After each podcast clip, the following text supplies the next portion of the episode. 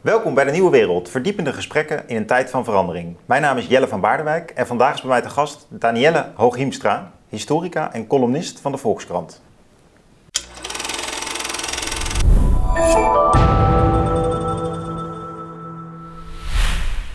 Daniela, leuk dat je hier bent. Ja, dankjewel. Je hebt een nieuw boek uit over Irene. Ja, ik denk dat eigenlijk maar weinig mensen haar kennen, maar uh, lid van het Koninklijk Huis. Zus van Beatrix? Nou, geen lid meer van het Koninklijk Huis. Nee, die definitie is veranderd, hè? Nee, nou, daar gaat het boek ook wel... Eh, die, dat gaat over die, dat moment dat dat gebeurd is eigenlijk. Dat ze haar, haar ehm, lidmaatschap heeft moeten opgeven. Ja. Omdat ze een huwelijk aanging met een, uh, een man die uh, volgens de volksvertegenwoordiging toch niet helemaal paste in het, in het ja, uh, het takenpakket zeg maar, van een prinses. Ja, ja. Nou, dan hebben we denk ik de twee thema's van dit gesprek al meteen op tafel. Want uh, we gaan het hebben over je boek en over de geschiedenis uh, van Irene. Maar dan vooral haar flirt met een, een Spaanse prins. En hoe daarin, dat is het thema 2, want dat speelde eigenlijk tussen de jaren 60 en de jaren 80. Hè, dus al een tijd geleden. Mm -hmm. wat Irene is nu hoe oud? Zij is nu, uh, even kijken, ze is van uh, uh, 39, dus dan is ze al de 80, heeft ze al bereikt. Ja, ja, ja. ja, ja. dus dat is thema 1. En thema 2 is eigenlijk hoe in deze geschiedenis, maar in het algemeen, het Koningshuis en de democratie op gespannen voet staan met elkaar. En uh, hoe dat ook in het heden doorspeelt. Uh, daar schrijf je ook wel over. Uh, ik zal het ook linken onder, onder het gesprek, dat mensen het kunnen lezen. Onder andere een essay in de NRC en in je columns. Dus ehm, dat is het systematische vraagstuk. Maar is maar dan naar het boek. ja, waar, waarom, waarom ben je gaan schrijven? Is dat ook de reden waarom je bent gaan schrijven over Irene? Die, die, die constellatie van het Koningshuis binnen binnen de, binnen de rechtsstaat? Wat is de rol van de koning in Nederland? Wat is de verantwoordelijkheid van de minister? Nou, is, ik vond het een interessante affaire, omdat het eigenlijk de eerste keer is dat uh, de parlementaire democratie eigenlijk op een moderne manier in botsing kwam met het Koningshuis. Um, want uh, nou, die spanning is er natuurlijk al heel lang, eigenlijk al zo ongeveer vanaf het moment dat we een koning kregen in 1814. Uh, en er zijn natuurlijk allerlei momenten geweest. Uh, 1848, toen heeft de, de, koning eigenlijk zijn politieke macht op moeten geven. Uh, toen heeft in de jaren daarna heeft de parlementaire democratie eigenlijk steeds meer terrein gewonnen. Um, maar die jaren 60, dat was toch weer een nieuwe periode na de oorlog. Um, je had, dat was het moment waarop je dus die, die, die clash eigenlijk, ja, denk ik toch wel voor het eerst echt ten volle plaats had. Omdat je dus, je had al een ontwikkelde pers. Uh, dus de, de, de massamedia, die hadden we al. Um, maar tegelijkertijd was er ook, um, was het parlement zelf ook uh, eigenlijk volwassen uh, geworden, als je dat zo mag noemen. Um, het is wel interessant dat in de jaren 50 is er, ik geloof, één keer een vraag gesteld in het parlement over het Koninklijk Huis. Dus, hmm. um, dat werd gewoon voor gegeven aangenomen. Ja, dus je, je had wel ja. dat systeem al. Dus het, het was al zo dat, ja. dat de, de koning eigenlijk geen macht had en dat de minister verantwoordelijk was voor, voor wat hij uh, ja. deed. Maar ja, als dat parlement nooit iets vraagt. Uh, dan, dan is die ministeriële verantwoordelijkheid natuurlijk eigenlijk ook niet echt uh, uh, heel spannend. En toch was het toch zo dat Wilhelmina en Juliana, die, waren die, die hadden toch de facto nog best wel wat te zeggen, politiek gesproken. Dat is de, Willem-Alexander heeft echt, een, het is geen lintjesknipper, want hij zit volgens mij officieel ook nog in de, in de regering. Hij zet nogal handtekeningen mm -hmm. en hij heeft echt nog wel formele taken. Maar dat was toch bij zijn voorgang, zijn, zijn, zijn oma's, uh, die waren toch behoorlijk aanwezig in de regering. En toch werden daar geen vragen over gesteld. Dus dat, ja, nou ja, het, het was dus een, het was een beetje een overgangstijd. Hè? Het, het, het, was, de 19e eeuw was nog niet helemaal voorbij. Um, uh, en dat, want dat ja. is, vind ik eigenlijk het mooie aan geschiedenis. Dat je, je ziet dan wel uh, een soort breekpunten. Hè? Want wat dat betreft was 1848 wel echt een breekpunt. In die zin dat er dus staatsrechtelijk echt een, ja. een, een, hoe noem je dat, een zwaard valt eigenlijk. Maar het duurt altijd heel lang voordat dingen ook werkelijk uh, in de maatschappij zeg maar, wortels schieten. En dus die, die democratie, die, uh, dat heeft uh, tegenover het Koningshuis heel lang geduurd voordat het dus echt doordrong dat zij um, in dienst zijn van het parlement en niet omgekeerd. Ja. En, ja, dat zeg je heel mooi. Want ze hadden natuurlijk eerst het idee van we hebben een soort uh, plek in de kosmos, uh, gesteund door God. En, uh, ja, nou dat en wij, wij, zijn, wij zijn uitverkoren als geslacht. Ja. We zijn een dynastie. Ja. En wij besturen hier in Nederland. En Nederland mag eigenlijk wel blij zijn dat we dat doen. Overigens hebben ze natuurlijk ook altijd in de lange carrière, of lange, hè, van het begin van de 19e eeuw ook altijd wel een soort flirts met het volk gehad. Dus toch, ze staan ook wel op gespannen voet met de adel, de Oranjes. Dus... Ja, heel erg. Eigenlijk meer dan met de adel ja. op gespannen voet. Of nou niet met de adel, maar met name de, de bourgeoisie eigenlijk. Uh, het, het, waren natuurlijk ook de liberalen. Hè? Die, die, het, is een liberale grondwet geweest. Ja. Dus het, um, wat dat betreft, zeg maar, de, de, weet je, de, de, de gegoede burgerij... die is, heeft altijd uh, uh, ja, toch wel in een soort strijd geleefd met, met, die, met Ja. de familie van Oranje. Maar waar- waarom hebben we, even, want jij bent ook historica, dus jij bent ook van de grote greep vast wel. Waarom hebben we nou eigenlijk een koninkrijk? Waarom is dat zo Waarom aan het begin van de 19e eeuw pakken we dat dan op?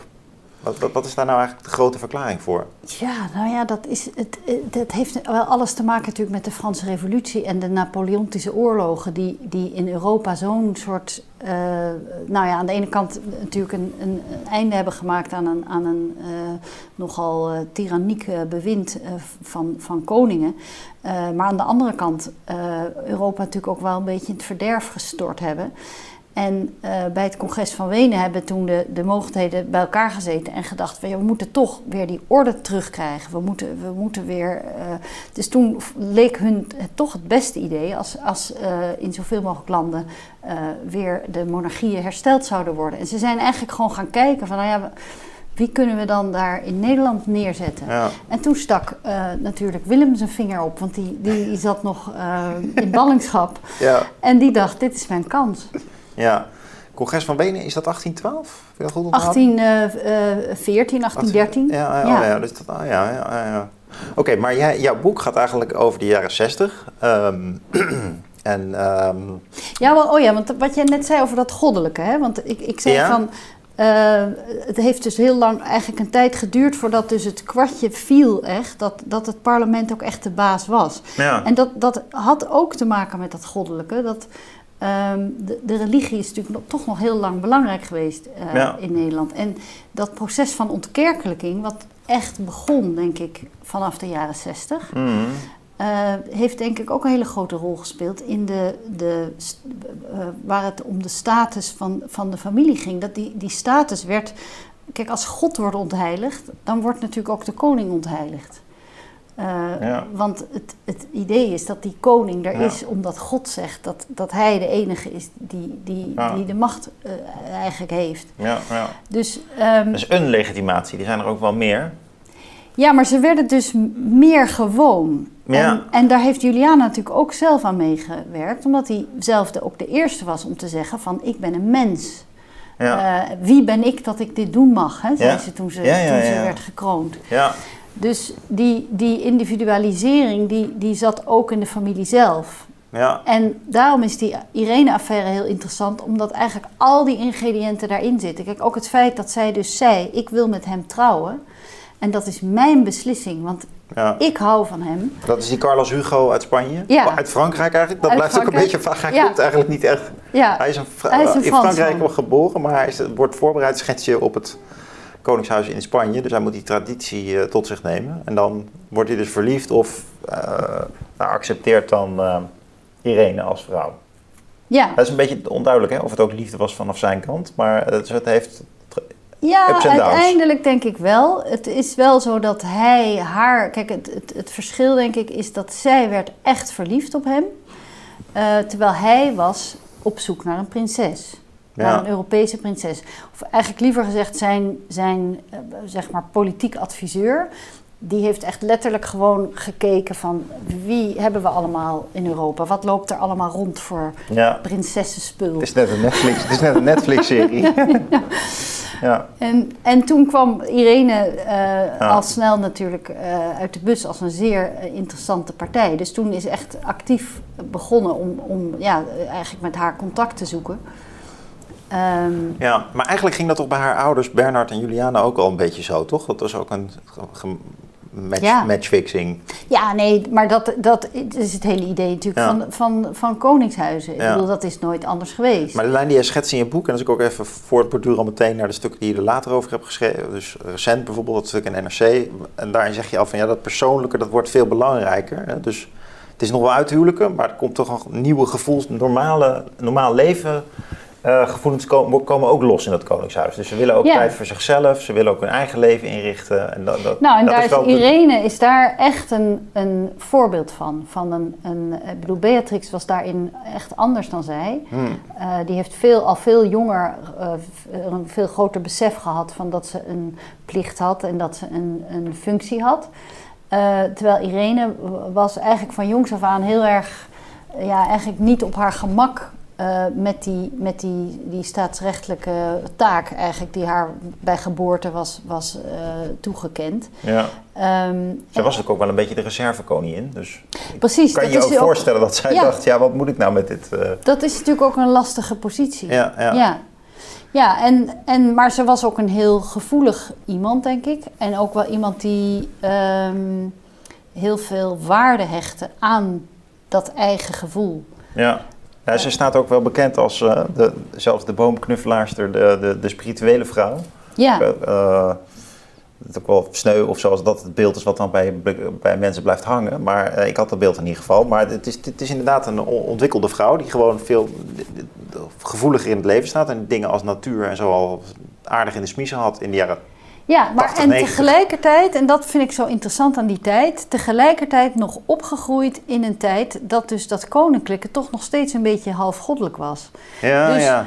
Ehm, daarom loopt het zo uit de hand met die, met die situatie als dan dus die, die prins in beeld komt. Dat ze dus eigenlijk geen besef heeft van dat er een hele parlementaire democratie daar staat. ja. Eh, die gewoon recht heeft om te weten van met wie gaat de, de vrouw die misschien ooit onze koningin wordt, met wie gaat die trouwen? Dat, dat, Ja. dat, dat- daar, daar had zij totaal geen gevoel voor. Ze had echt Nee. het idee van ja, maar ik hou toch van hem. Dat is toch het enige waar het om gaat eigenlijk. Oh, ja, ja, ja. Oké, dus een soort institutionele naïviteit. Ja, ja. En, en eh, nou, het grappige is wel dat die, die man, die komt dus ook uit een ander sprookje, waar, en waar de parlementaire democratie eigenlijk niet bestaat. Hè? Want Ja. in Spanje in die tijd is een, nou ja, we zeggen dan een dictatoriaal regime, eh, is misschien ook weer te negatief, misschien ook niet. Het einde van de Franco-tijd eigenlijk. nou, Ehm, nog niet eens het einde. Het was nog best wel nog- fix. die man heeft ook lang geregeerd dan eigenlijk. Hè? Dat, Ja. eh, dus dat, al voor de Tweede Wereldoorlog en dan Ja, tot en met eind 60. Of? nou en kijk, je, je zegt Ja. Spanje en hij wilde natuurlijk koning worden in Spanje, maar ehm, de traditie waarin hij, is, waarin hij staat eigenlijk, is in feite een Europese traditie. Want ehm, kijk, voor de, ehm, voor de Franse Revolutie ehm, en ook nog wel een stukje daarna, was dat idee van, van koning zijn, dat, dat, is, dat had eigenlijk niks met een nazistaat te maken. Nee. Het waren eigenlijk gewoon families Ja, die door huwelijken regeerden in Europa. ja, ja. En eh, Ja, dat is wel het mooie aan zijn familie. Dus die, die Bourbon-Parma-familie, die, die, eh, ja, die, die was gewoon door God aangewezen om te regeren in Europa. Dat, dat was eigenlijk het idee. En dat, of dat nou was in Italië of in Frankrijk of in Spanje, dat kon eigenlijk overal zijn. ja.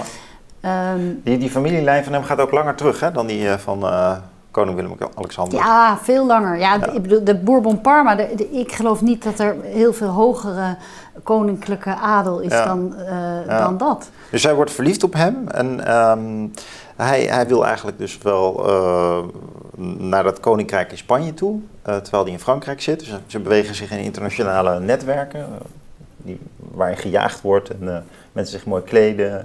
Ja, dat is dus dat is echt het sprookje van het oude monarchale Europa. Eigenlijk het monarchale Europa van voor de Franse Revolutie. Dus ja, ja. ehm, het- 18e eeuwse chique ja, ja. ruiken tijd. En, en ook echt nog helemaal uitgaande van dat idee van, van die absolute soevereiniteit van die koning. Hè? Ja, dat, dat, dat, dat, ja, er, er was helemaal geen discussie over. Ja, natuurlijk uh, zou, heeft hij recht om koning te worden van Spanje? Want je kunt je afvragen, hij was helemaal nooit in dat land geweest. Hij sprak de taal niet.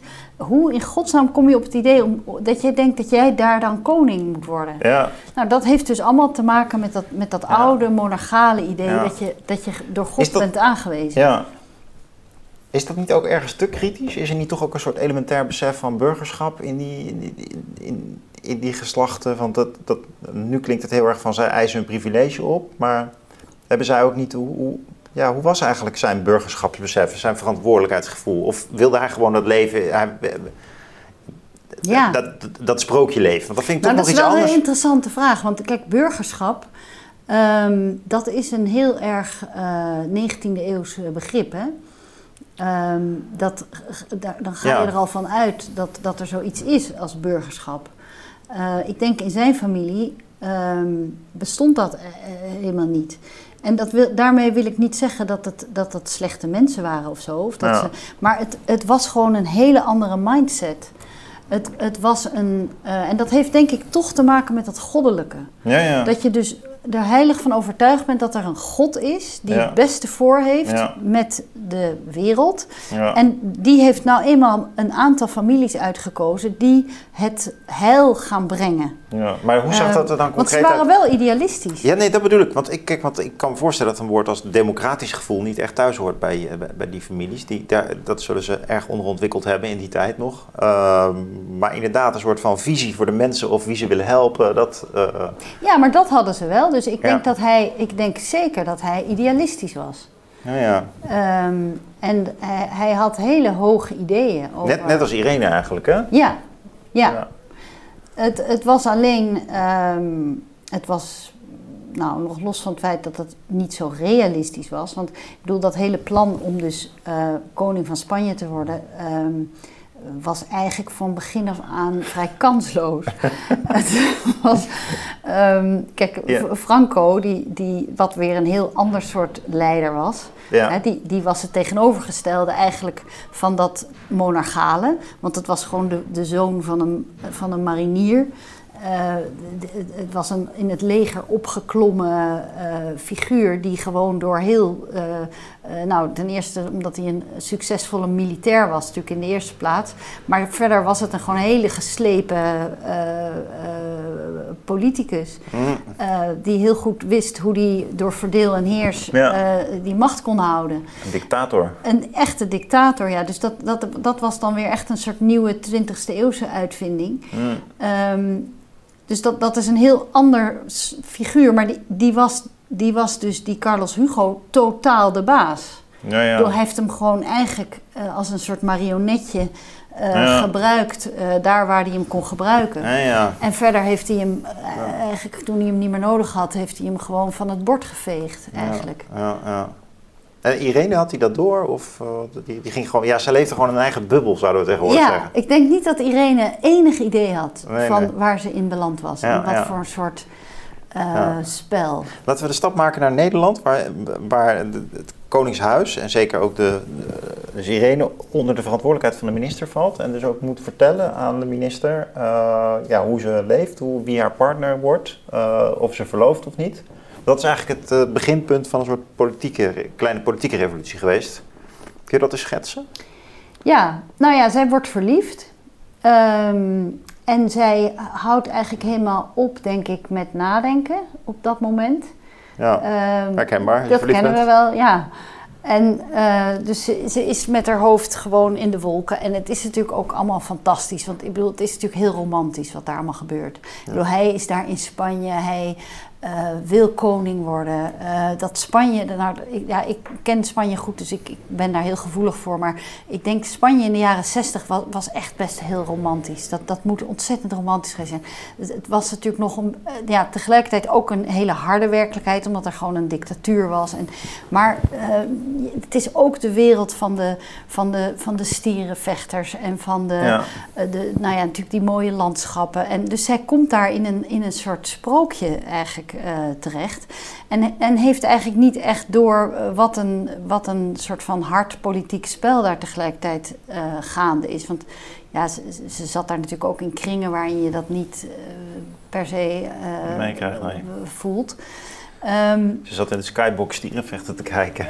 Ja, en ze werd natuurlijk door hem ook helemaal meegenomen. En, en, en die familie van hem, die, die woonde ook... Die, die, mensen wonen natuurlijk niet in huizen, die wonen in kastelen. Ja. Uh, het, het, het, was... Het Meer was... nog dan in Nederland, hè? blijkt ook wel uit je boek. Hè? Zij leven echt op een heel nog weer chicere stand dan de, dan, uh, dan de Nederlandse Oranjes. Ja, nou ja, die hadden dus kastelen van, van eeuwen terug. Ja. Die hadden ze allemaal verzameld. En het was er ook niet één, maar dat waren er vijf. Eentje in Oostenrijk en de, Ja. drie in Frankrijk en dan nog in Italië. En, Ja. Dat is iets eh, anders dan het Lo. Ja, het was een, het was een soort hele soort magische wereld eigenlijk. En ik denk dat ze op dat moment eigenlijk vergat dat er ook nog zoiets was als, een, als, als, als de, de, het Haagse Binnenhof. Ja. Uh, en dat mensen zich daar begonnen af te vragen van ja, wat, wat is die prinses eigenlijk aan het doen? En, Ja. uh, en wie is die man dan? Ja. En, um, en, en er was ook wel het gevoel dat zij, uh, dat is op een gegeven moment ook echt een clash tussen Marijne en Juliana. Uh, dat Juliana gewoon weigert om te vertellen wat, wat de plannen zijn. Ja, dat is haar moeder, hè? Dus, Ja. ja. En, uh, het is ook zo toch dat. eh, misschien haal ik het nou door de war hoor. Maar het is toch zo dat haar vader, dus Bernard, ook zelf ook een grote rol heeft gespeeld in eh, dat zij eh, elkaar bleven zien en verliefd konden worden. Dus die, nou, die- Bernard die, die had, en zijn moeder Armgard met name ook, ehm, die vonden de- toch wel die Europese adel of die, die vorstenadel, dat, dat vonden zij wel iets heel moois, toch? Ehm, Ja, ik, snap en, het ook, ik snap het ook wel als je in die familie zit. En, ehm, en ja, Bernard was oorspronkelijk ook, dat is ook weer nog een complicatie, dat hij was bevriend, goed bevriend met Juan Carlos, de andere eh troonpretendent. Dus die was veel in Spanje. Ehm, en ik denk dat hij wel een beetje op zijn neus keek toen Carlos Hugo in het spel kwam, omdat dat, het was natuurlijk wel een beetje een, een eh, het was geen, eh, ook weer niet zo gevestigd. Hè? Ik bedoel, hij, Ja. hij was bezig, eh, Juan Carlos was echt de gedoodverfde opvolger van Franco. Dat wist iedereen, die zou, die zou het waarschijnlijk worden. Terwijl Carlos Hugo was toch een beetje een soort dark horse, die ook nog ergens in de coulissen stond. Ehm, dus wat dat betreft denk ik dat Bernard ook weer niet heel blij was eh, met hem. Aan de andere kant denk ik dat hij wel heel erg eh, onder de indruk was van de status eh, Ja, ja, ja. die hij had. Hm. Omdat het natuurlijk ook voor. Bernard en ook voor zijn moeder, zij vonden Nederland natuurlijk ook een beetje suf. Hè? Ja, ja. Ze, ze vonden dat, Ja. hij, hij, ik denk dat Raar eigenlijk aan Bernard toch? Want die kwam zelf, was van lagere kom af. Eh, Ja, maar die hield natuurlijk heel erg van die, ten eerste van, die, van dat internationale, van de Ja. jetset. Hij ging dus, en de Spaanstalige wereld sprak hem enorm aan. Hij was natuurlijk altijd ook, eh, al tijdens de Tweede Wereldoorlog is hij, was hij in Argentinië. Hij was daarna voortdurend was hij in Mexico. Ehm, hij, hij vond dat hele leven, dat sprak hem veel meer aan dan dat, dan dat ge- gemier in, in, in die polder. ja, ja, ja, ja. Gemier in de polder. ik zou zeggen, had toch een heel bruin leven hier. En het Ja. plekken waar hij kon jagen. Ja, ja, nou goed, hij, sta, hij staat er ook onbekend dat hij eh, liever eh, zich bewoog in internationale eh, groepen. En, Ja, en, en Carlos Hugo nahield. zat er eigenlijk een beetje tussenin. Want die had dus die had wel dat, dat, dat er zat toch wel een soort glamour aan hem. En, en ook wel een soort romantiek en een soort historisch bijzonderheid. Maar tegelijkertijd was hij ook een soort Don Quixote, een beetje. En ook een beetje een luchtfietser. Dat is een beetje weer dat Juliana-achtige. ja, ja, ja. Weet ja. je, dat, dat achter idealen aanlopen. En Ja. Dat is dus heel interessant dat Irene dus in hem eh, eigenlijk dat, dat, dat ze een man vindt die, die zo haar vader en haar moeder eigenlijk weerspiegelt. ja, ja, dat is ja, interessant. Dat, dat was nogal, eh, die leefden voor een deel in onmin met elkaar, hè? haar vader en moeder. Ja, Bernard en Juliana. Dat was natuurlijk eigenlijk Ja. een onmogelijke combinatie. Maar tegelijkertijd, dat, dat zeg je ook ergens in je boek, van, eh, dat het Koningshuis juist ook in de jaren 50, 60 weer wat populairder wordt. Dan, eh, omdat je dat niet zou verwachten eigenlijk als lezer.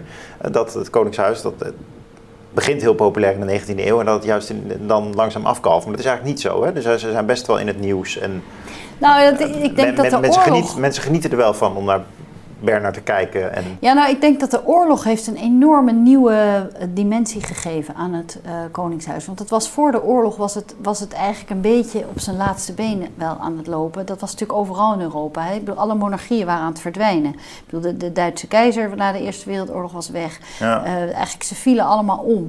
En, um, en na de oorlog, um, en dat heeft Bernard, denk ik, heeft daar een hele belangrijke rol gespeeld Bernard was natuurlijk een soort marketeer eigenlijk. Hè? Die, die, die, wist, die had ontzettend verstand van het plaatje. Van hoe, hoe, hoe maak je iets, iets moois, hoe stel je iets moois voor. En na de oorlog was daar echt behoefte aan. Ik bedoel, de, dat land was natuurlijk helemaal ontredderd. Ja, dat sprookje moest weer verteld worden. Ja, en daar stond ineens die familie met die lieve kindjes. En die kwamen uit dat vliegtuig. Ja. En, en dan, Bernard was de verzetsheld. Hè? Dat was natuurlijk ook een, een, Wat een ironie een, ook, briljante zet. Om, om daar dus ineens de, de, de leider van het, van het naoorlogse verzet te worden. Ja.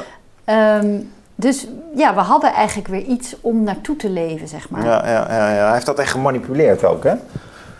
Dat, dat, dat beeld, die beeldvorming. Ja. ja, hij was daar echt uh, ontzettend goed in. En ook avant la lettre eigenlijk. Volgens mij, tenminste, ik denk dat heel veel mensen toen nog niet door hadden. Ja. Het is natuurlijk pas in de jaren 70, 80 dat dat, dat, dat marketing echt een, een, ja. een uh, voor iedereen, zeg maar, een, een middel werd. Ja, ja. Uh, maar hij had het toen al in de gaten. Ja, ja. Ja, we komen zo meteen hopelijk ook nog even te spreken over het gesprek van Maxima met uh, Matthijs van Nieuwkerk. Daarin zie je dat ook heel erg, die, die beeldvorming. Ja. Uh, misschien eerst nog even, dus dat, dat huwelijk, dat, uh, dat, uh, dat komt er. Maar dan Nederland die zegt dan eigenlijk, je mag niet meer aanspraak maken op je koninklijke titel hier tegen Irene. Hè? Dus die, Nederland gaat wel met de hak in het zand als eenmaal duidelijk wordt dat die Carlos Hugo eigenlijk een serieuze kandidaat is. Ja, nou kijk, het eerste probleem wat er was en dat was een maatschappelijk probleem, maar eigenlijk niet eens een politiek probleem. Dat was dat hij katholiek was.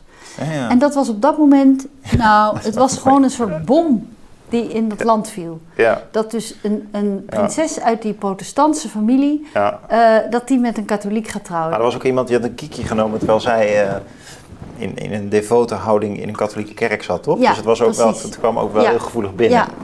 Ja, nee, dat, dat was een... Uh, zij had, terwijl ze verliefd was op hem, heeft zij een uh, geloofsommekeer doorgemaakt. Ja, en allemaal in het geheim.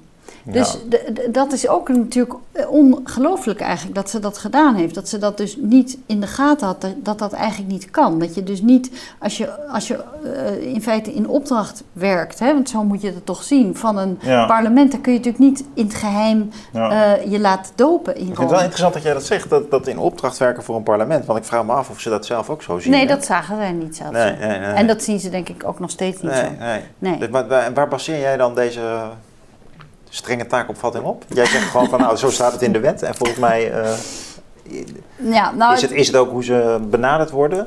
Uh, maar ik zou namelijk zeggen, de media maakt het veel groter, het sprookje. En of, of, of Rutte ze nou ook op die manier bejegent, wow, dat, die indruk eigenlijk ook niet. Dus, uh, nee, nou ik denk dat het wel steeds minder is geworden. En dat heeft denk ik te maken met die ontkerkelijking. Want kijk, als je, heel, als je in God gelooft, dan uh, geloof je natuurlijk ook dat God, uh, of dan is het makkelijker om te geloven dat God die ene familie heeft aangewezen. Ja. Maar als je niet in God gelooft, dan denk je gewoon van ja, maar waarom is nou die familie daar en niet een andere familie? Ja.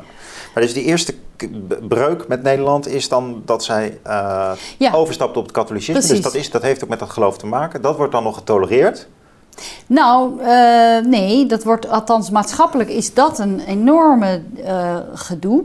Maar dan krijg je dus de, de politieke discussie. En uh, het interessante was dat ik voor dit boek had ik de aantekeningen, de, de dagboekaantekeningen van de secretaris-generaal van het ministerie van Algemene Zaken. Dus ik heb eigenlijk best wel goed kunnen zien ja. hoe, die, hoe ze zeg maar, op dat niveau oh, hier tegenaan keken. Interessante bron hele mooie bron. Ja. En um, dan zie je dus dat hij eigenlijk al vrij snel zegt van ja, in de grondwet staat niet dat een koning niet katholiek kan zijn.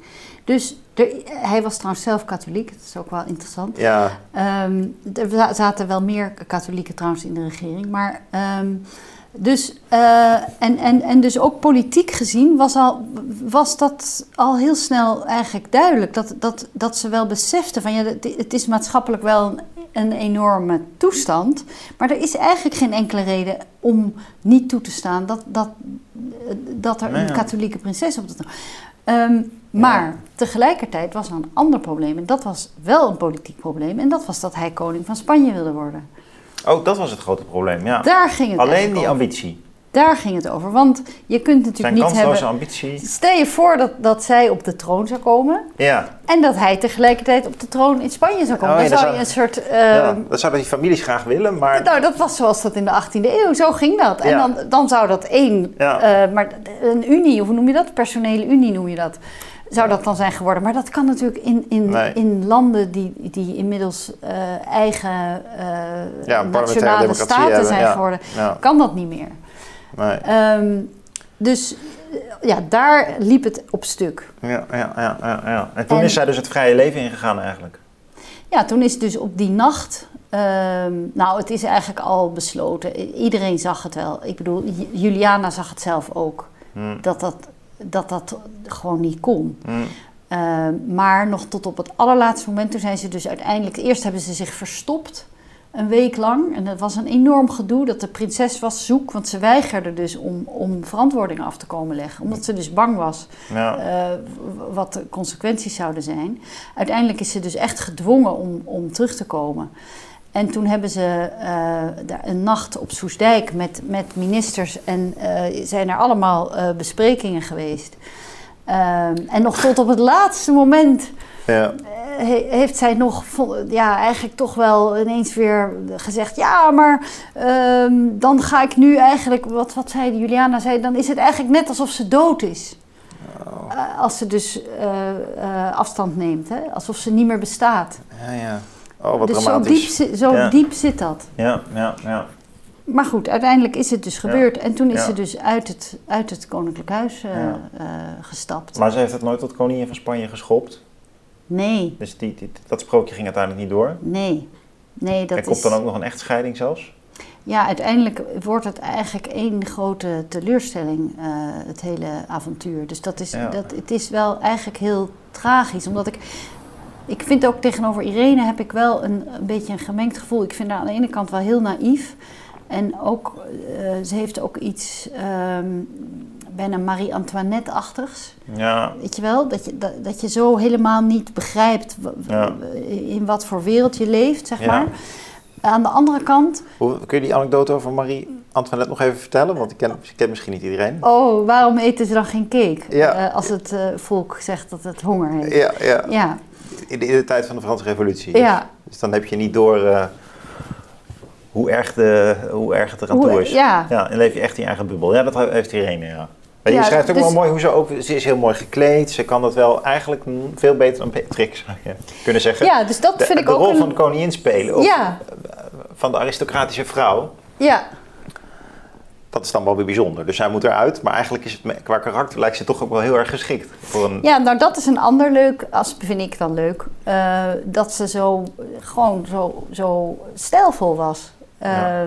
Zoveel stijlvoller dan, dan het Oranjehuis normaal gesproken is. Hè? Ja, die, ja. ik bedoel, die, prinsessen verder liepen altijd in van die ontzettende tuttige Edgar Vos-achtige. En daar kwam Irene ineens met, met de meest fantastische, weet Ja. je wel, van die echte jaren zestig lange laarzen en, en mini-rokjes. En eh, prachtig gewoon. Ja, hier is toch ook wel een mooie continuïteit naar het heden. Hè? Dat, eh, in Maxima zie je dat wel weer helemaal terugkeren. Dus, Ja, die, ha- die had dat ook wel, ja. ja, Ja, een vrouw met flair, met, die heel erg op die beeldvorming ook zit, die die rol, die rol goed speelt. Maar nog heel even, want eh, over Irene, dat ik zei, ik vind dus dat Marie-Antoinette-achtige vind ik minder. Maar wat ik wel, wat ik wel echt wel bijzonder vind aan Ja. haar, is dat zij echt wel gedurfd heeft. Ze heeft, ze heeft zich echt losge, Ja. losgeworsteld uit dat keurslijf. Ja. En de, Ze heeft de gouden kooi verlaten. nou ja, en de persoonlijke moed die daarvoor nodig is, is ook weer heel groot. Het is, het is natuurlijk nogal wat. Dat je gewoon zegt Ja. tegen je familie en je land van jongens, ik, eh, ik vertrek. Maar de, de dubbelheid zit erin dat ze dan toch voor die, voor die dynastieke geschiedenis kiest. Hè? Dus ze vertrekt, maar ze vertrekt juist ook weer naar, de, naar het netwerk waar ze ook Dat is waar. voortkomt. Hè? Ze, ver- ze ze vertrekt niet naar het burgerlijke leven. Nee, ze gaat niet in een plaggenhut Dat had- wonen. Nou, dat is, dat is nog tot daar aan toe. Maar Nee, dat ja, is je hebt ook wat prinsen rondlopen die gewoon een normale leven ingaan. Daar kun je ook allerlei kritiek op hebben. Maar de, Ja, Maar het was wel een heel ongewis avontuur. Het was geen gespreid bedje waar ze in kwam. Echt Mm. alles behalve. Mm. Ze kwam gewoon in een, in een keiharde strijd terecht. Ja, ja, Eh, en nou had ze dat denk ik niet helemaal door, hoe, dat allemaal, hoe de hazen daar allemaal liepen. ja. Eh, maar ze heeft het maar wel gedurfd. Ze is gewoon het diepe ingesprongen. ja. Eh, en, Een moedige vrouw dus, eigenlijk toch wel. Nou, op een persoonlijk niveau denk ik is zij heel moedig. Ja, Ja. ja. Ja, ja. Hm.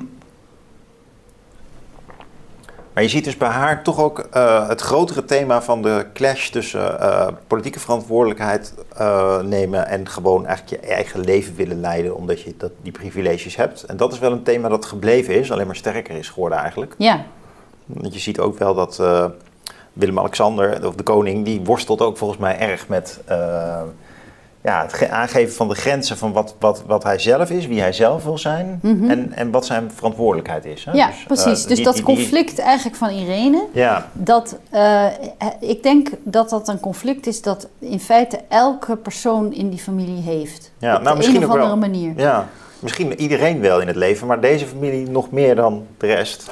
Ja, Omdat en, je zo in een patroon, in een... ja, en Beatrix heeft het natuurlijk ook. Eh, maar die heeft, eh, bij haar heeft dus altijd het plichtsgevoel eh, de overhand gehad. Ja, en zij was natuurlijk als zus wel ook degene die de, kroon, die, die de troon besteeg. Dus ja, dan Ja, maar ik, als je dat- haar ik kan me voorstellen dat ja. plichtsbesef ook wel makkelijk te accepteren is als je dan ook vervolgens koningin wordt. Ja, nou ja, als je, als je haar dus vergelijkt met Willem-Alexander, dan zie ik daar toch wel een verschil in. Eh, dan dan Ah, zie ja. je bij Beatrix iemand die eh, volgens mij al vanaf de tiende zo'n beetje eh, het gevoel heeft van ik word later koningin en daar ook bijna wel zin in had. Ja, Ehm, terwijl dat zie je bij Willem-Alexander niet. Die had daar eigenlijk geen zin in. nee, het heeft echt wel even geduurd voordat hij ja, zich kon verenigen daarmee. ja, Ehm, en hij heeft toen wel een belangrijke opmerking gemaakt tegen eh, Paul Witteman. Eh, heeft hij toen gezegd van, nou, als ehm, het Nederlandse volk niet accepteert eh, met wie ik wil trouwen, dan word ik geen koning. ja, Dus daarmee, de- hè, dan hebben we toch weer Irene terug. ja, ja, Dat is toch het idee van, ik ben een individu ja, en, en dat Ja. is belangrijker dan alle andere dingen. ja. Eh, Je zou kunnen zeggen terecht en heel begrijpelijk, hè? Eh, alleen, dan moet je ook voor een deel afstand doen van die privileges. Ja, nou ja, je, je ziet dus wel, denk ik, dat ehm, die, die wrijving, die wordt steeds groter. Ja, nou, bij het huwelijk zagen we dat die Zorgeta niet mocht komen. Dat is eigenlijk ook weer hetzelfde. Mag wel trouwen, maar ouders Ja. mogen er niet bij zijn. Ja, Ik Denk terecht hoor, maar dat is natuurlijk enorm, eh, het zal enorm veel pijn hebben gedaan. Ja nou ja, het- ik vind het eigenlijk een beetje toch wel wonderlijk. Daarom houdt het me, blijft het me altijd wel bezighouden, dit thema. Het, het is natuurlijk wonderlijk dat er nog steeds een familie is Ja, die dit doet. ja, En die dus, ehm, als je ziet hoe die individualisering eigenlijk vanaf de jaren 60 eh, tot nu, hoe dat steeds eh, Ja. eh, groter geworden is. En hoe er nu al generaties zijn die, die helemaal niet anders weten dan dat je gewoon een individu bent. Ja. Ehm, dat er dan nog steeds een familie is die dus ehm, ja, eigenlijk zulke archaïsche principes Ja, nog steeds naleeft. Maar kijk, ze kunnen natuurlijk in die bubbel leven. Daar hebben ze ook het geld voor. Voor een deel ook het geld dat wij ze geven. Eh, voor een deel hebben ze dat natuurlijk ook opgebouwd in de decennia. Maar je zou kunnen zeggen dat historisch gezien hun ehm, greep op de regering wel kleiner en kleiner en kleiner wordt. Hè? Dus ehm, ik Ja. weet ook nog een interview, ook een belangrijke uitspraak van de koning, dat hij zei van nou als ik alleen maar lintjes ga doorknippen, nou dan bedank ik misschien wel voor het, Ja, voor het koningschap. ja, Eh, dat, ehm, toch is het volgens mij weer een stapje richting eh lintje knippen gegaan. Dus hij moet nog veel handtekeningen zetten. Maar hij is bijvoorbeeld geen formateur meer. Nou, inmiddels weten we ook dat het misschien toch handig was als je nog iemand hebt die formateur is die eh, boven de partijen staat. Dus Mhm. daar hebben we nu dan da- zo'n zo'n Jake Willink of zo voor. hè. Mhm. Die wordt dan weer uit, de, uit zijn pensioen getrokken. uit de van, nou, hè, gehaald. eh, ja. uit de mottenballen inderdaad. En dan denk je toch ook wel als volk van, nou oké, die koning had misschien toch ook niet zo'n gekke rol, maar die is die in ieder geval kwijt, terwijl Beatrix had er nog. Hoe zie jij nu die lijn verder? Wat denk jij dat eh, verantwoordelijke stappen zijn als we denken vanuit de, nou ja, laten we het toch maar de parlementaire democratie noemen. Eh, die liberale Ja. rechtsstaat, op welke stap zouden we dan eigenlijk nog meer moeten zeggen van, nou, het sprookje kan blijven bestaan, of misschien vind je dat niet eens, maar eh, ze moeten nu wel bijvoorbeeld officieel uit de regering worden uitgeschreven. Of... Ja, ik weet je, ik denk eigenlijk dat het daar helemaal niet meer om gaat. Ehm, ik denk dat er een ander probleem is dat groter is nog. Hmm. Ehm, en dat is dat ehm, eh, de vraag is of de macht nog wel helemaal bij de volksvertegenwoordiging eh, ligt. Ehm, en of die volksvertegenwoordiging niet steeds onmachtiger wordt eh, eigenlijk. En als dat zo is, dan is natuurlijk de vraag wat je dan nog aan die ministeriële verantwoordelijkheid hebt. Ja, ja, ja. Ehm, Kun je dat nog eens even eh, uitleggen met een voorbeeld misschien? Hoe die macht dan niet meer bij de... Nou ja, je ziet eigenlijk steeds meer. Kijk, ten eerste hebben we een parlement wat als straks eh eh, Omtzigt zijn, zijn, zijn, zijn eigen partij gaat beginnen, dan hebben we 19 eh, partijen. Ja, Eh, dat is op zich al niet een basis waar je volgens mij heel veel macht mee kan eh, eh, genereren. Het is natuurlijk ontzettend verzwakkend als er, als er zoveel partijen zijn. ja. Dus dat is, dat is in ieder geval een factor. Ehm, verder zie je dat er eigenlijk een heleboel andere ehm, eh, hoe noem je dat? Manieren zijn om macht uit te oefenen. ja. De macht van bedrijven is natuurlijk heel groot Ja. geworden. We hebben gezien de, de, de zaak, de Urgenda-zaak. Ja. Dus de rechter gaat ineens ook eh, Ja. ja, uitspraken doen die enorme consequenties hebben. ja, ja. Eh, dus je, je krijgt steeds meer het gevoel dat het parlement eigenlijk een beetje achter de maatschappij aanloopt te rennen. Ja, ja. Ehm, Ja, een andere factor die ook relevant is naar het Koningshuis is dus behalve de toename, de, de- dus de toegenomen macht van rechters, de toegenomen macht van bedrijven, de toegenomen macht van media. Ja, media, precies. Je ja. ziet in ieder geval heel erg dat in dat Koningshuis zelf, we kunnen het ook een algemene diagnose maken hoor, eh, maar bij het Koningshuis zie je heel duidelijk dat zij dus daarop inspelen. Wat je ook aanhaalt in je recente stuk in NRC van eh, Amalia die dat eh, geld teruggeeft en dat dan een briefje doet en dat circuleert op Twitter, dat komt Ja, nou dat, dat in is, RTL Boulevard. Ja, maar dat is heel opmerkelijk. Zij bespeelt Ja. dan eigenlijk, dus nou, je gaat dus direct, ze gaan eigenlijk direct communiceren Ja. met het volk. ja, En dat hele, die hele volk- volksvertegenwoordiging, die wordt eigenlijk overgeslagen. ja. Ehm, en nou ja, dat, Dat deed Bernard eigenlijk ook al, hè? Precies. Ja. Dat is in feite die marketing. Ja, Want met marketing kun je natuurlijk overal overheen. ja, Omdat het namelijk betoverend is. Dus Ja. eh, als mensen een plaatje zien wat ze mooi vinden, dan houdt daarna natuurlijk eigenlijk alle discussie op. Want dan, ja. eh, dan, ja, dan Word- Ben je weer even tevreden? vinden ze dat Ja. gewoon mooi en, Ja. en dan houdt het op. En het is, wat ik interessant vind, is dat je dus nu al twee dingen hebt gezien na de Griekenland-toestand. Hè? Dus toen, toen ze naar Griekenland waren gevlogen in de coronatijd. Ja, Ehm, toen kwam daarna dus niet een statement van eh, de premier. Eh, eigenlijk hoort de premier dan te zeggen van ik bied me verontschuldigingen Ja, ja, ja, daarvoor ja. aan. god, heb ik niet Eh, eens aan gedacht, maar natuurlijk, Hij deed het zelf. Ja, hij deed het zelf. Dus, eh, Met een hij- emotioneel appel. Ja, dus hij Had begint... spijt, met be- grafgezichten. ja. Ja, ja. Dus hij gaat een eigen. PR-beleid Ja, je hebt gelijk, dat is een heel mooi voeren. voorbeeld. En met Amalia is dat Ook weer zo. eh, ook weer zo. Ja. Dus er komt een brief en dan ook nog in dat lieve hand, meisjeshandschrift. Ja. Iedereen denkt aan zijn eigen dochter Ja, en denkt, ach god, die schat. ja. En, eh, Nog even door naar, dat- naar, naar die andere schaal van het bedrijfsleven. Want dat is ook interessant. Met name ook, eh, eh, ook weer in relatie tot Bernard trouwens. Want die staat bekend ook in de bedrijfsethiek wel als iemand die een, een belangrijke eh, regelgeving rond corruptie heeft eh, eh, geïnspireerd. Want hij, de Lockheed-affaire Ja. draaide om hem. Hij werd betaald door een Amerikaanse Ja. eh, vliegvaartmaatschappij. Mhm. om die vliegmotoren in Nederland te verkopen. Ja. Want hij zat natuurlijk ook hoog in het leger en op allerlei plekken, zoals trouwens ook wel weer duidelijk is van de koning en de koningin. Die zitten op allerlei, in NGO's en, en Mhm. eh, half-half bedrijven, zeg maar, noem maar, noem maar zo. Dus eh, publieke sectoren. Dat had Bernard dus ook. Ja. En die liet zich dus betalen, Ja. eh, ehm, heel veel tonnen, om eh, ja, te lobbyen voor de aanschaf van die vliegtuigmotoren. En dat, ja, dat is natuurlijk een enorme rolvervaging geweest toen, want hij heeft dat nooit gezegd. Dus eh, dat heeft hem ook wel, eh, dat he- heeft echt consequenties gehad voor hem. En voor Juliana. Ehm, eh, maar in ieder geval, dat, to- toen zijn we volgens mij wel wakker geworden. Hè? Dat was ook in de jaren zeventig, denk ik.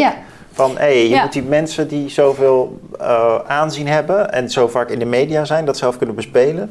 die moet je soms wel blijven vragen. De Siebert van Liende vraag van... "Wa- met welke pet op zit jij hier? Nou, ik denk dat die, die Lockheed-affaire heeft een enorme impact gehad op het, op het Koninklijk Huis. En op, ehm, het was eigenlijk een soort, ik denk dat dat een beetje de zwanenzang was van, het, van het, de 19e eeuw, die nog toch wel door had geëild, zeg maar, in, in de 20e eeuw.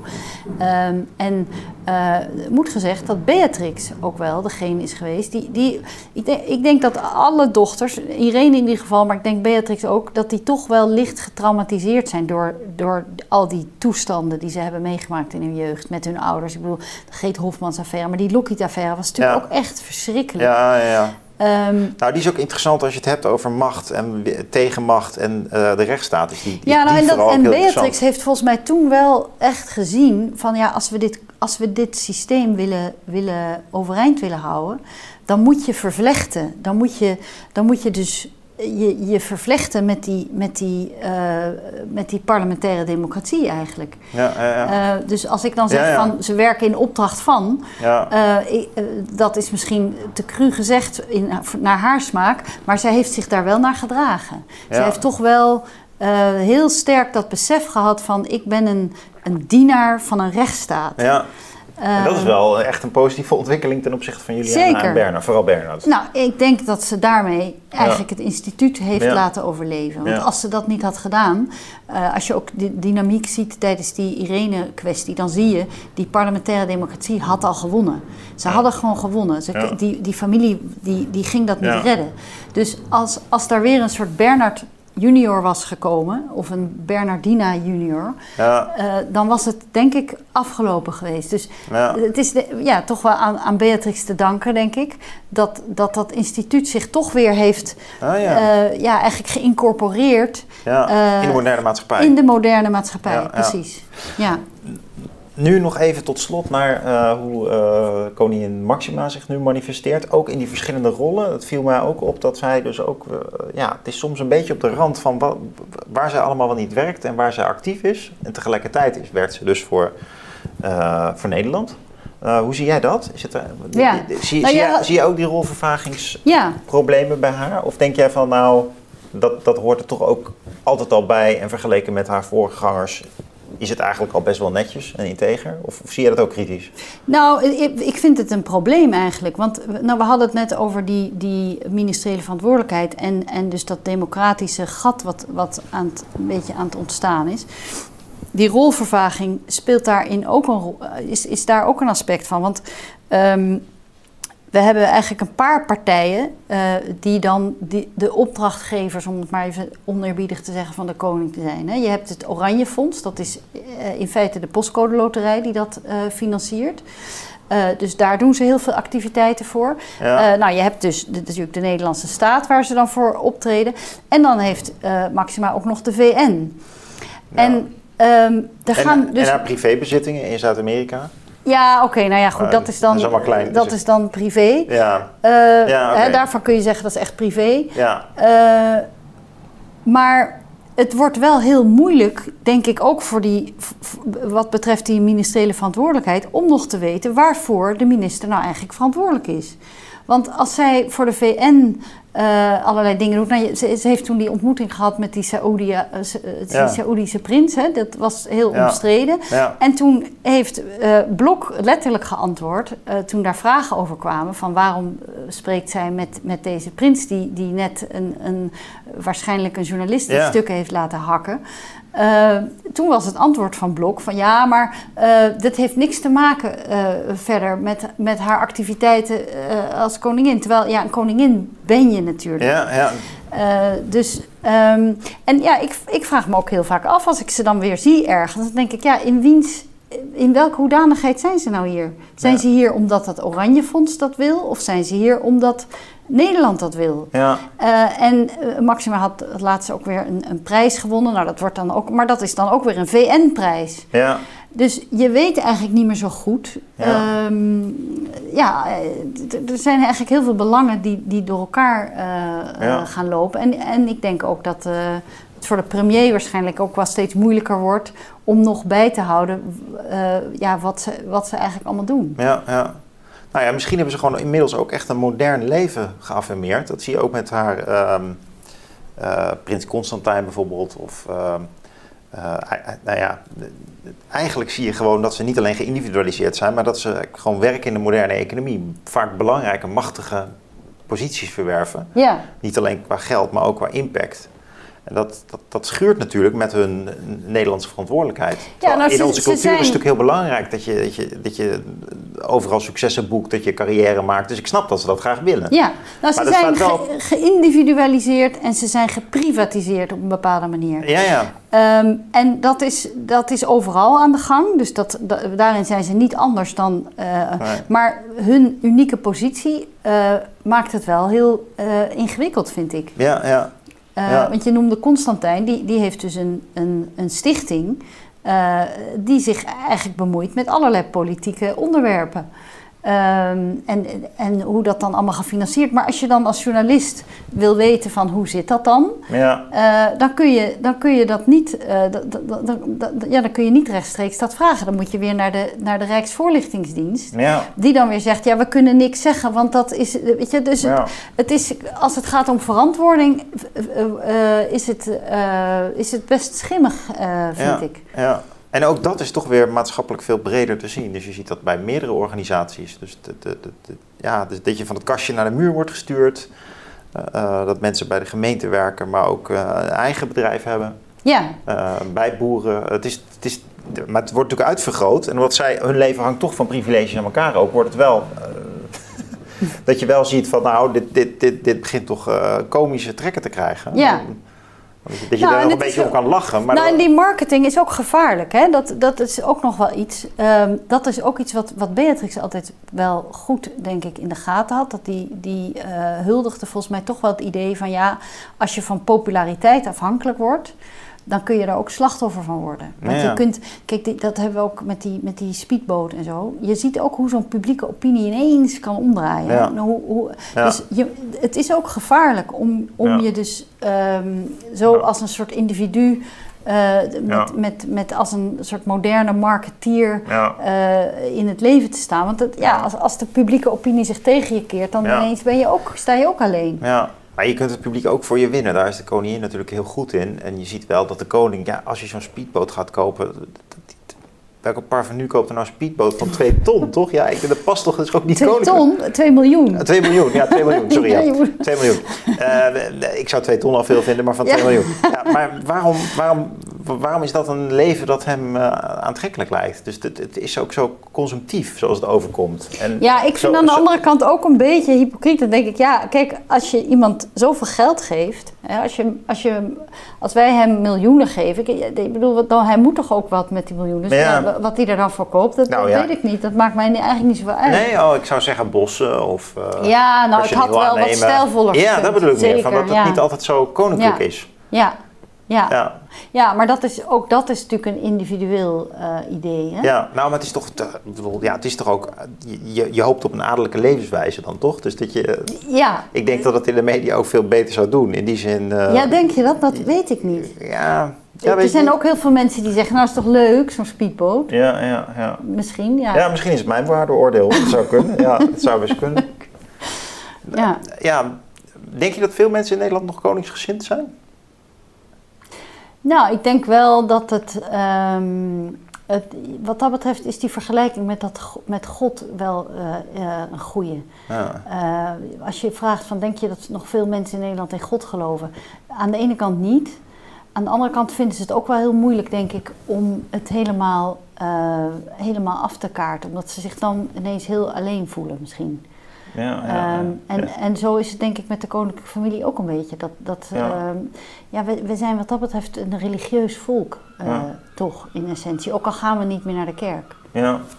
Nou, ik, denk, ik ben, ben het er wel mee eens. Nog één ander aspect. Dat, dat worden zoveel dingen afgeschaft tegenwoordig. Dat, nee, maar het is gewoon een belangrijk ritueel moment. Koningsdag, eh, die koning op tv. Ik denk dat ze in die zin ook de tijd nog wel mee hebben. Dus eh, alles staat natuurlijk ter discussie. Hè? Sinterklaas, eh, kerst, eh, Ja. kerstboom, winterboom. de- de- alles flexibiliseert. Wanneer ben je aan het werk, wanneer ben je, Ja. wanneer ben je thuis. En dan zo'n koning is dan toch gewoon een beetje stabiliserend in, in zijn... Ja, dat is waar. Want de- we hebben natuurlijk eigenlijk zo'n beetje ruzie over alles inmiddels. Ja, Ehm, en dan is het toch wel fijn dat er dan in ieder geval nog één iemand is waarvan we dan allemaal zeggen, nou ja, dat is onze Ja, koning. met Ja. een hermelijnen mantel. ja. Daniela, leuk dat je hier was. We gaan je boek uitlezen. Eh, ik moet het Spaanse deel nog eh, lezen, maar dat ga ik zeker doen. En eh, nou, ja, was leuk. Oké, dankjewel.